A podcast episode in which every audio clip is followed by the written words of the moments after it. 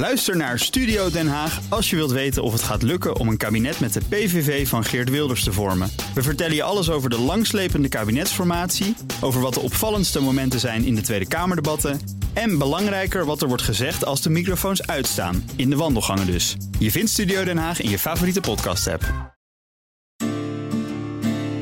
Goedemorgen, dit is de Week van Energia op vrijdag 17 februari. Ik ben Ilse Akkermans en bij mij in de studio is redacteur Hans van der Lucht. Welkom Hans. Goedemorgen. We gaan het zo hebben over energiecoöperaties. Die maakte het afgelopen jaar miljoenen winsten, zo bleek op het symposium hier opgewekt in Amersfoort. Hans was daarbij en vertelt zo meteen hoe dat komt. Maar eerst kijk ik met hoofdredacteur van Energia Wouter Hielkema weer naar ander nieuws van deze week. En Wouter is voor het eerst sinds hij twee maanden geleden zijn heup brak weer in de studio. Goed dat je er weer bent, Wouter. Ja, heel fijn om hier weer te zijn. Ja, lekker. Toch uh, een andere ervaring. Zeker. Je hebt weer veel energienieuws voorbij zien komen deze week. Welke drie onderwerpen vielen je vooral op? Ja, ten eerste, er was veel van doen over de nieuwe warmtewet, waar de Tweede Kamer woensdag ook over sprak. Verschillende partijen luiden de noodklok, zoals het dan zo mooi genoemd wordt, over vertragingen die ontstaan door discussies over de nieuwe wet. De Europese Commissie heeft maandag regels gepubliceerd die verhelderen wat volgens de EU hernieuwbare waterstof is. Die regels moeten bedrijven helpen de knoop door te hakken over investeringsbeslissingen. En als derde, Sif Holding gaat op de Tweede Maasvlakte een grote fabriek bouwen voor funderingspilaren voor offshore windturbines. Het bedrijf kreeg een lening na ingrijpen van het ministerie van Economische Zaken en Klimaat. Ja, we beginnen met de nieuwe warmtewet, je eerste onderwerp. Verschillende partijen luiden de noodklok over vertragingen door discussies over die wet. En in de energiesector is de nieuwe warmtewet omstreden. Waar komt dat ook alweer door? Ja, dat komt door het besluit van Jette om in de nieuwe warmtewet vast te leggen dat de infrastructuur van warmtenetten uiteindelijk in publieke handen moet komen. Dat wil zeggen, minimaal 50% plus één aandeel moet in publieke eigendom zijn. De huidige private warmtenetten moeten op termijn dan ook overgedragen worden aan een geheel publieke partij. Volgens diezelfde voorwaarden. Nou, commerciële warmtebedrijven zijn hier natuurlijk fel tegen en gemeenten waren hier heel erg sterk voor.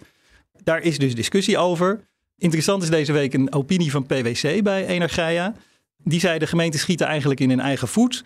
Door deze wijziging van de marktordening worden private warmtebedrijven eigenlijk buitenspel gezet. En dan worden gemeenten eigenlijk gedwongen om zelf de hele warmteketen op te pakken.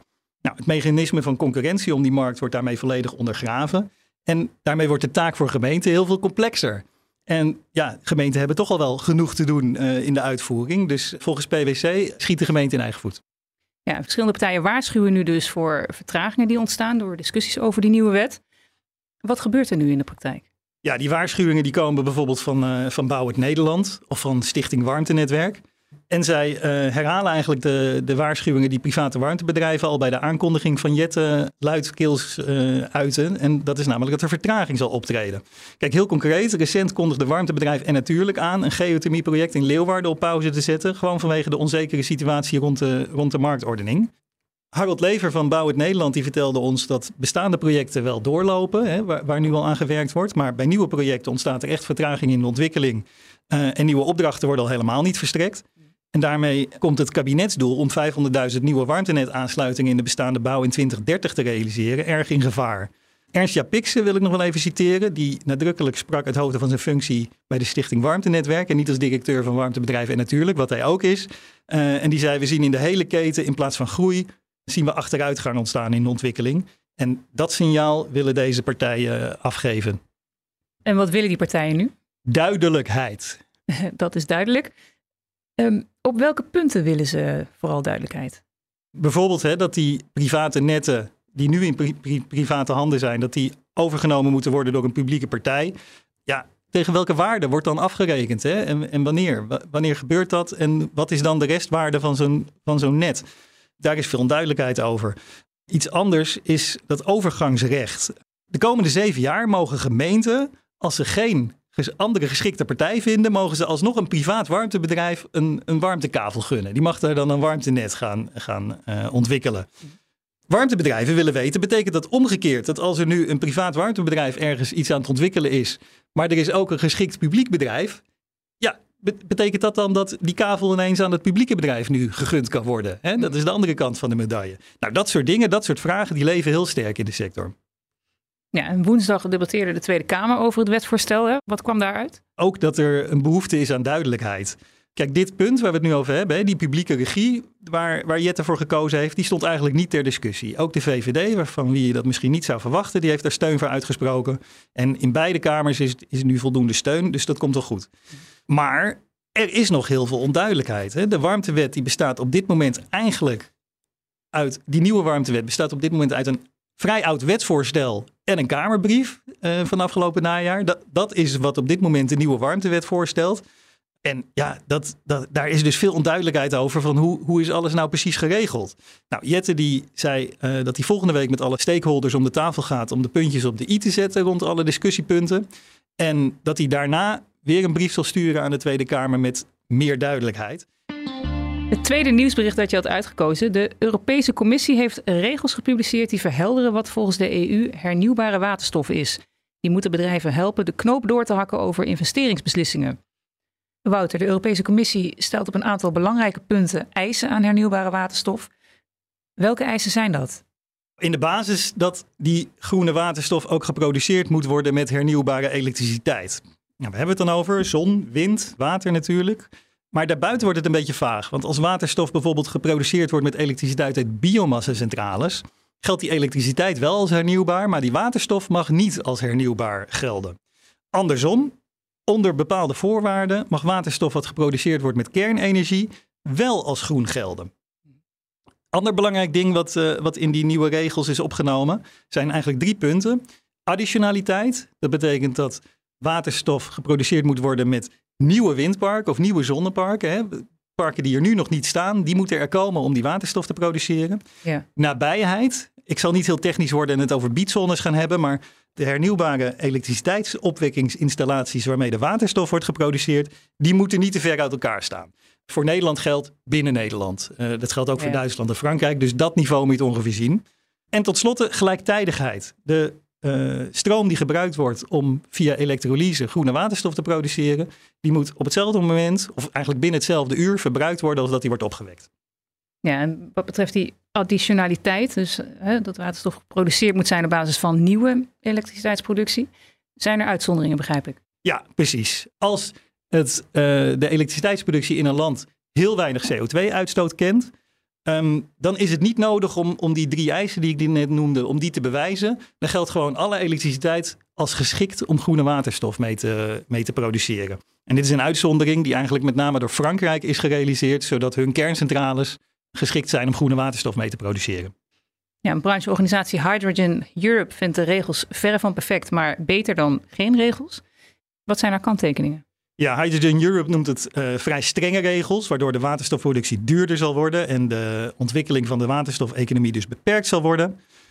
Verder wordt er een beetje getwijfeld of binnen deze regels alle, alle duurzaamheidsdoelen wel, wel haalbaar zijn. En mijn collega Joep Westerveld die sprak met Ira Efremova van eh, BP. Die noemde het wel een stap vooruit in de definitieve richting. En die benadrukte dat het een enorme vooruitgang is ten, ten opzichte van de aanvankelijke voorstellen van de commissie, die ja, toch als, als, als te streng werden beoordeeld. Is nu wat meer flexibiliteit. En hoewel de regels volgens, uh, volgens Ira Efremova wel beter hadden gekund, zijn ze op zich wel goed, goed zo. Want er is, hè, we hadden het net over duidelijkheid, hier geldt ook duidelijkheid. Bedrijven willen altijd duidelijkheid. Nou, het is nu duidelijk. Het moet wel nog goedgekeurd worden trouwens door het Europees Parlement en de lidstaten. Dus uh, de definitieve duidelijkheid is er nog niet. Maar Nederland ziet geen bezwaren. Sif Holding heeft een investeringsbesluit genomen om op de Tweede Maasvlakte een fabriek van 328 miljoen euro te bouwen voor funderingspilaren voor windturbines. Wouter, onderdeel van de financiering van die fabriek is een last-minute lening van 65 miljoen euro van investeerder InvestNL. Die was nodig toen eerdere financiers zich plots terugtrokken. Wat ging hieraan vooraf? Waarom hadden die financiers zich teruggetrokken? Ja, vanwege stikstof. SIF had voor de, voor de werkzaamheden, voor de bouw van die fabriek op de Tweede Maasvlakte, een melding gedaan uh, op basis van de programmatische aanpak stikstof, hè, een pasmelding. Mm -hmm. En daarom geen natuurvergunning aangevraagd. Maar ja, nu uh, die geitenpaadjes die het kabinet allemaal bedacht had uh, door de Raad van State daar een streep doorheen is gezet, vormt dit ineens een risico. En een aantal financiers die durfden niet, niet aan. Er, er, werd nog wel een oplossing aangedragen. Hè. Er is snel alsnog een natuurvergunning aangevraagd en daarbij aangetoond dat de stikstofuitstoot binnen de perken blijft. Maar voor een aantal financiers was dit niet voldoende en die trokken zich snel terug. Nou, minister Adriaansens en minister Jetten, beide van het ministerie van Economische Zaken en Klimaat, uh, die zeiden dat dit de hele financieringsronde in gevaar bracht. En een snel nieuwe financieringsronde organiseren, dat bood geen soelaas. Want deze financieringsronde was al best wel moeizaam verlopen. Maar SIF wordt wel door uh, het ministerie van EZK als een heel belangrijke speler binnen de Nederlandse ambities van de offshore windindustrie gezien. En daarom was het toch wel belangrijk dat er iets gebeurde. Ja, op het laatste moment kreeg het bedrijf dus een lening. En dat gebeurde na ingrijpen van het ministerie van Economische Zaken en Klimaat. Hoe ging dat? Ja, het belang van SIF voor de ontwikkelingen van de, van de Nederlandse offshore windstrategie is enorm. SIF is, is, is absoluut de marktleider in Europa in het bouwen van enorme funderingen voor, voor die windturbines. Die windturbines staan op die funderingen van SIF.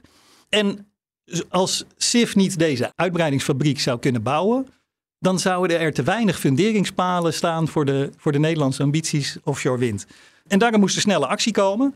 EZK heeft InvestNL. InvestNL dat is een, eh, een financieringsinstantie die binnen de energietransitie projecten moet vlottrekken die te risicovol zijn voor private investeerders. EZK heeft InvestNL gevraagd van kunnen jullie niet een lening geven aan SIF? Uh, instappen waar die, waar die uh, huiverige financiers zijn weggestapt. Maar InvestNL zei van ja, dat is in strijd met onze zorgvuldigheids, ons zorgvuldigheidsproces. Dit gaat te snel. Wij kunnen niet zomaar een lening uh, doen. Van, van 65 miljoen gaat het om. Dat is de grootste, grootste investering die InvestNL heeft gedaan in zijn korte bestaan. Nou, toen heeft EZK gezegd van nou, als wij nou jullie het geld lenen, wat jullie dan weer aan SIF gaan lenen, dan ligt al het risico bij EZK. En dan uh, ligt er dus geen risico bij InvestNL. Nou, daarvan heeft de InvestNL gezegd van prima. Dus die hebben toen die lening aan SIF verstrekt. Ja, en je vertelde er net al wat over. Maar wat gaat het bedrijf precies doen op de Tweede Maasvlakte? Ja, een uh, enorme uitbreidingsfabriek bouwen. Ze zijn daar al actief, maar er komt, uh, komt nog een fabriek bij. Die moet jaarlijks 200 monopaalfunderingen gaan bouwen. Dat zijn van die enorme stalen cilinders. die hebben een diameter van 11 meter, wegen per stuk 2500 ton. En daar moeten er dus 200 per jaar van gebouwd worden. Die uitbreiding is naar verwachting de eerste helft van 2025 is die klaar. En SIF heeft ook al twee klanten. Uh, eentje noemen ze niet, maar de andere is uh. Dat is de joint venture van Shell en Eneco. En die gaan een 700 megawatt windpark bouwen bij uh, Hollands Kust West. En daarnaast heeft SIF ook met Noordse, Noorse bedrijf Equinor contact voor een lange termijn raamovereenkomst. Dus de output van die uitbreidingsfabriek die ze willen bouwen, die is, uh, die is al wel veiliggesteld. Dankjewel, Wouter Hielkema. We gaan het hebben over energiecoöperaties. Die maakten het afgelopen jaar miljoenen winsten. Zo bleek op het symposium hier opgewekt in Amersfoort. Over hoe dat kan praat ik met redacteur Hans van der Lucht, die bij het symposium was. Hans, misschien is het goed om eerst even te kijken naar wat die energiecoöperaties precies zijn. Kun jij daar wat over vertellen? Ja, coöperaties kennen we in Nederland vooral uit de agrarische sector van ouds. Boeren gingen gezamenlijk hun melk of gewassen verkopen. Friesland Campina, Rabobank, dat zijn coöperaties. Het zijn dus eigenlijk verenigingen die winst mogen maken. Je kan lid worden, je kan meedoen aan de activiteiten en je kan meedelen in de winst. Je kan er weer uitstappen, maar je kan je lidmaatschap niet verkopen. En daarmee is het dus een fundamenteel andere vorm dan een bedrijf als een BV, waarvan je de aandelen kan verkopen aan een ander. Burgers hebben de afgelopen jaren de coöperatie ontdekt om gezamenlijk hernieuwbare energie op te wekken. En om een wijk, dorp, stad te verduurzamen. En sinds wanneer is dat opgekomen dat mensen de handen ineenslaan in energiecoöperaties? Sinds de jaren 80 van de vorige eeuw. De eerste was in Friesland, de plaats een windmolen op de kop van de afsluitdijk. Maar sinds 2010 is de groei pas echt hard gegaan. In 2010 waren er 23, nu zijn er ruim 700. 30 maal zoveel dus. Ja, en de groei van het aantal energiecoöperaties vlakt inmiddels af. Hè. Dat blijkt uit een lokale energiemonitor die op het symposium werd gepresenteerd. Ja, sinds acht jaar houdt eh, Klimaatstichting hier de ontwikkeling van de energiecoöperaties bij. Publiceert daar jaarlijks de lokale energiemonitor over. Um, en tijdens het uh, jaarlijkse congres, hier opgewekt, afgelopen dinsdag werd de, de laatste monitor gepresenteerd. Blijkt dat er in 2022 slechts negen nieuwe coöperaties zijn opgericht, waarmee het totaal nu staat op 705. Ja. Uh, de lokale energiemonitor zegt dat daarmee het verzadigingspunt wel ongeveer is bereikt. Er zijn nu uh, in bijna alle gemeenten in Nederland zijn, uh, is er wel een energiecoöperatie. Mm -hmm. Maar het aantal leden dat groeit nog wel. Er zijn er nu 120.000 leden, waarvan 9.000 er afgelopen jaar bij kwamen. En wat voor soort projecten realiseren die energiecoöperaties? Ze investeren vooral in zonnedaken. Dat is natuurlijk de minst omstreden vorm van hernieuwbare energie. Niemand heeft er bezwaar tegen als ergens op een dak uh, zonnepanelen komen te liggen. Er zijn meer dan duizend uh, zonnedaken. Dat zijn dus grotere zonnedaken. Dat is een ander iets dan de, de vijf, zes panelen die een particulier op zijn huis legt. Mhm. En er zijn maar 86 zonneparken op land of op water, waar vaak meer weerstand tegen is. Ja. Windparken staan bij energiecoöperaties lager op de wensenlijst. Uh, slechts 87 coöperaties, dus minder dan 10%, houdt zich bezig met, een, met wind. En warmte is nog weer een stapje moeilijker. Uh, er zijn wel veel coöperaties, 140, die zich daarmee bezighouden, of er iets mee willen. Maar er zijn maar drie uh, warmteinitiatieven die ook operationeel zijn. En hoe financieren energiecoöperaties hun projecten? Net als elk bedrijf uh, dat wil investeren, uh, moet je eigen vermogen meenemen. Hetzelfde als wanneer je een huis koopt. Dat moet door de leden opgebracht worden. Dus uh, leden kopen vaak obligaties zijn dat dan, die ze kopen van de coöperatie. 10 tot 20 procent ruwweg. de rest is meestal financiering van de bank. Bij echt grote projecten zoals windparken, hè, een windturbine kost al gauw een miljoen is ook via de koepelenergie samen is er, is er financiering mogelijk. Uh, hè, die koepel die uh, investeert in, in, in meerdere coöperaties en net als een investeringsfonds gaat er dan vanuit dat, dat nou ja, het grootste deel, 80% of zo, dan wel succesvol zal zijn en winst ja. uh, binnen zal brengen. en als er dan één of twee mislukken, dan is dat niet direct een probleem.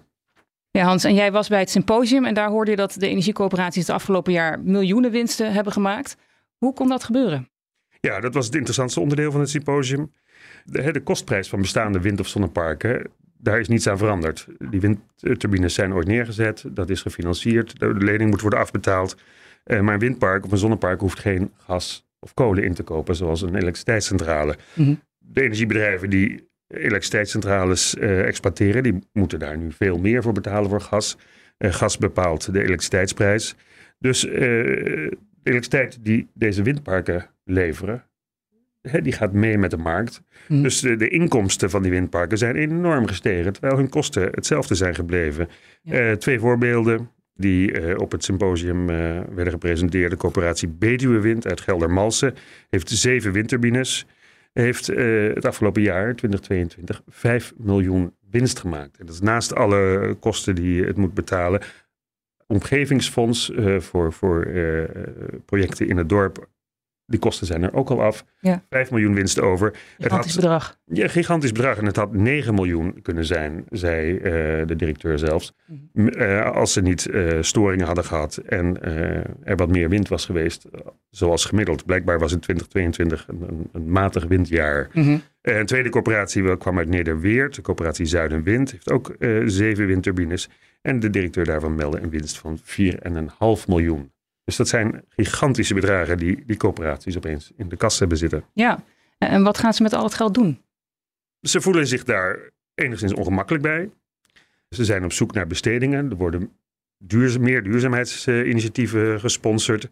Uh, in Nederweert is ook bezig met een buurtbus. Dus daar kan allemaal heel veel geld uh, naartoe. Mm -hmm. Wind heeft de leden ook gewoon contant geld gegeven.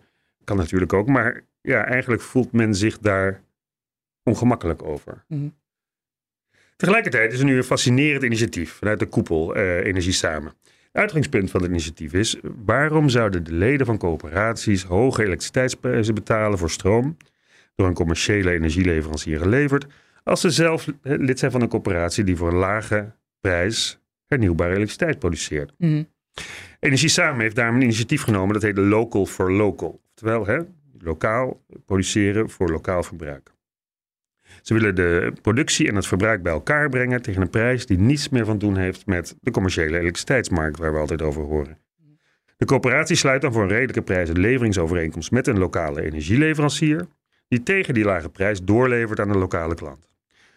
De voorwaarde daarvoor is echter wel dat die productie en het verbruik op, dezelfde, uh, op hetzelfde moment plaats hebben. Mhm. Anders dan moet die leverancier alsnog stroom op de commerciële markt gaan inkopen en uh, betaalt daar weer een hoge prijs voor en moet het doorrekenen aan de verbruiker.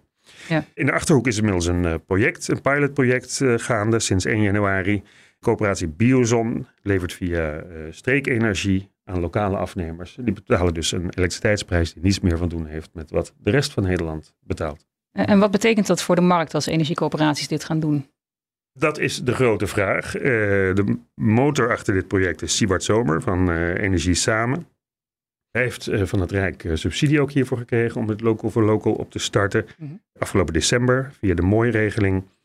Hij denkt dat je dus verschillende elektriciteitsprijzen in Nederland gaat krijgen. Dus, dus dat de bestaande elektriciteitsmarkt ja, deels onder, eh, ondergraven wordt. Mhm. Door al, als overal lokaal dit soort contracten afgesloten gaan worden. Maar wat de, de volledige consequenties ervan zullen zijn, eh, daarover zei hij dat hij het ook absoluut niet kan overzien.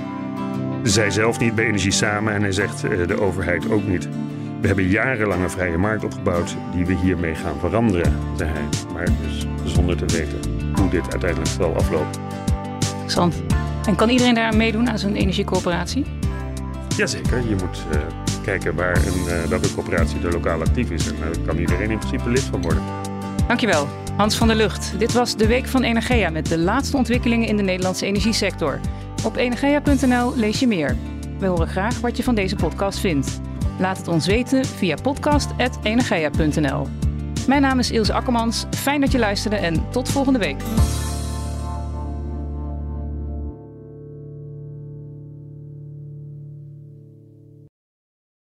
Ook Thomas van Zeil vind je in de BNR-app. Je kunt live naar mij luisteren in Zaken doen, de BNR-app met breaking news, het laatste zakelijke nieuws en je vindt er alle BNR-podcasts, bijvoorbeeld Het Nieuwe Geld. Download nu de gratis BNR-app en blijf scherp.